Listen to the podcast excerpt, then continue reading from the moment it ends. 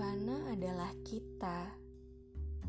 Waktu memerangkap perasaan kita abadi di tempatnya. Seperti kabin dapur ibu, kopi dan gula punya tempatnya sendiri.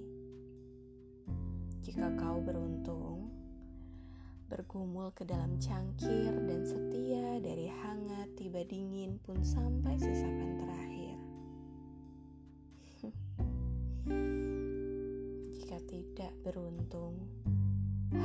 Bertukar pandang dari toples-toples kaca tanpa bisa sentuh sedetik pun.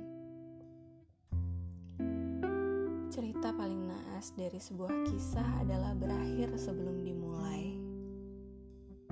Jika kau bingung, itu persis seperti tunas mawar yang dicabut paksa sebelum rekah karena takut tumbuh berduri. Bisa saja memilih perasaan untuk topengmu hari ini menjalani hari. Tapi bantal di ranjangmu tahu persis basah-basah sesal yang menetes semalam. Kau bisa saja belajar lagi merawat luka seperti yang sudah-sudah.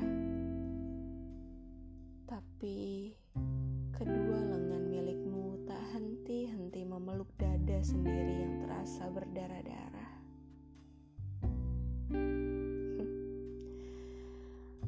Manusia memang paling seru kalau soal mengelak lara, menolak rasa, berpura-pura kalau dia.